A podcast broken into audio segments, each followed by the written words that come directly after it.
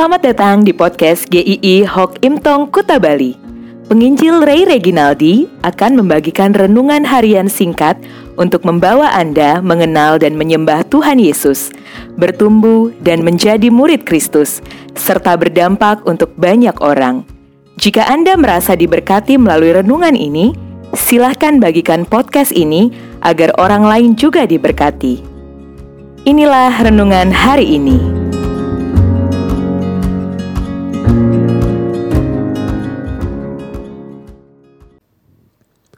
Kuat atau lemah. Habakuk 3 ayat 17 sampai 19. Sekalipun pohon ara tidak berbunga, pohon anggur tidak berbuah, hasil pohon zaitun mengecewakan. Sekalipun ladang-ladang tidak menghasilkan bahan makanan, kambing domba terhalau dari kurungan, dan tidak ada lembu sapi dalam kandang. Namun aku akan bersorak-sorak di dalam Tuhan beria-ria di dalam Allah yang menyelamatkan aku. Allah Tuhanku itu kekuatanku. Ia membuat kakiku seperti kaki rusa. Ia membiarkan aku berjejak di bukit-bukitku.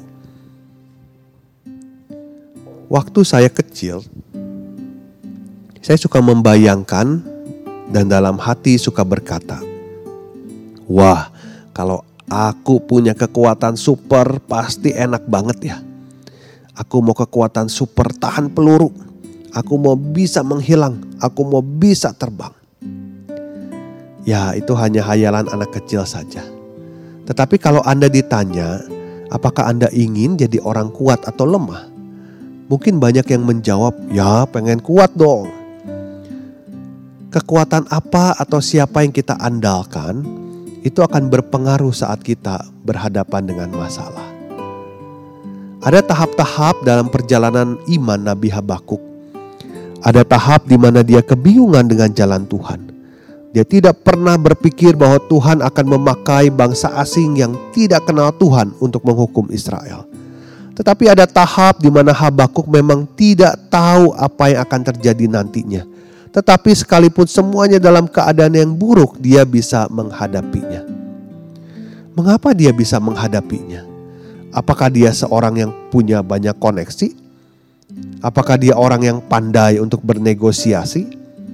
Atau apakah dia sudah punya tabungan yang dia siapkan untuk lari ke negeri lain? Ternyata bukan itu semua. Biasanya ketika orang ada masalah dan bisa tenang, dia pasti punya senjata rahasia yang bisa dipakainya untuk menolongnya. Habakuk mengatakan keadaan yang sangat-sangat buruk. Semuanya habis, tidak tersisa, tapi dia tetap akan bersorak-sorak di dalam Tuhan katanya. Apakah dia tidak salah? Apakah dia kehilangan pikirannya? Bagaimana mungkin di dalam situasi yang terburuk seseorang bisa bersorak dan memuji Tuhan? Mari kita lihat apa yang sebenarnya dia miliki. Dia berkata, Allah Tuhanku itu kekuatanku. Di dalam semua kehilangan dan kondisi terburuk yang tidak hilang dari dirinya adalah kehadiran Tuhan yang adalah kekuatannya. Seringkali seseorang baru menyadari bahwa Tuhanlah satu-satunya kekuatan terbesarnya ketika mengalami kehilangan yang terbesar. Sekalipun keadaan baik-baik saja, Sekalipun kita ini lemah, kita tidak sekuat yang kita pikir. Kita begitu rapuh ketika kita menghadapi pergumulan. Yang kuat itu hanya Tuhan saja. Maka mengandalkan kekuatan sendiri untuk bertahan dan berjalan menghadapi berbagai masalah, pasti kita ada batasnya. Pikiran kekuatan kita terbatas harta jabatan yang kita miliki pun sementara. Koneksi rekan-rekan tidak selalu bisa menolong kita. Tetapi Tuhan tidak pernah berkurang kekuatannya. Tuhan itu tidak pernah lelah. Bahkan dialah yang memberi kekuatan kepada kita. Belum selesai bahwa Tuhan itu kekuatanku kata Habakuk. Dia mengatakan ia membuat kakiku seperti kaki rusa. Ia membiarkan aku berjejak di bukit-bukitku. Kaki rusa itu bukan kaki yang besar seperti kaki gajah yang kokoh dan mantap. Kaki rusa itu kecil yang tampaknya mudah sekali untuk dipatahkan. Namun kaki rusa yang kecil itu memang dirancang Tuhan sedemikian supaya ia bisa menaiki bukit-bukit. Kita bisa melihat juga dalam hidup kita. Memang kekuatan kita tidak seberapa tetapi rancangan Tuhan dalam hidup kita bukan rancangan untuk menghancurkan kita. Dia akan menguatkan dalam situasi yang terburuk sekalipun, di dalam kehilangan yang paling besar sekalipun. Rasul Paulus pernah mengalami penderitaan yang hebat, dan dia berdoa kepada Tuhan dengan tekun supaya itu bisa dicabut darinya. Tetapi akhirnya Tuhan menjawab, "Cukuplah kasih karuniaku bagimu."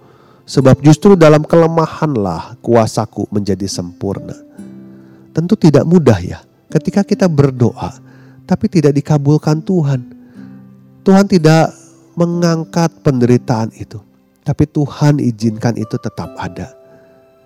Namun kita bisa belajar dari Rasul Paulus yang meresponi dengan berkata, Sebab jika aku lemah, maka aku kuat kuat karena ada Tuhan Yesus dalam hidupnya. Kelemahan terbesar kita sesungguhnya adalah kita orang berdosa. Kita tidak mampu menebus kesalahan kita. Kita tidak mampu membayar hutang dosa kita. Kita tidak mampu menyelamatkan diri kita sendiri. Tetapi Tuhan Yesus yang maju untuk menggantikan kita menanggungnya. Dialah sesungguhnya kekuatan kita tanpa dia kita lemah. Kalau Anda merasa lemah hari ini, tidak apa-apa. Bersandarlah kepada Tuhan. Karena kekuatan kita itu ada pada Tuhan.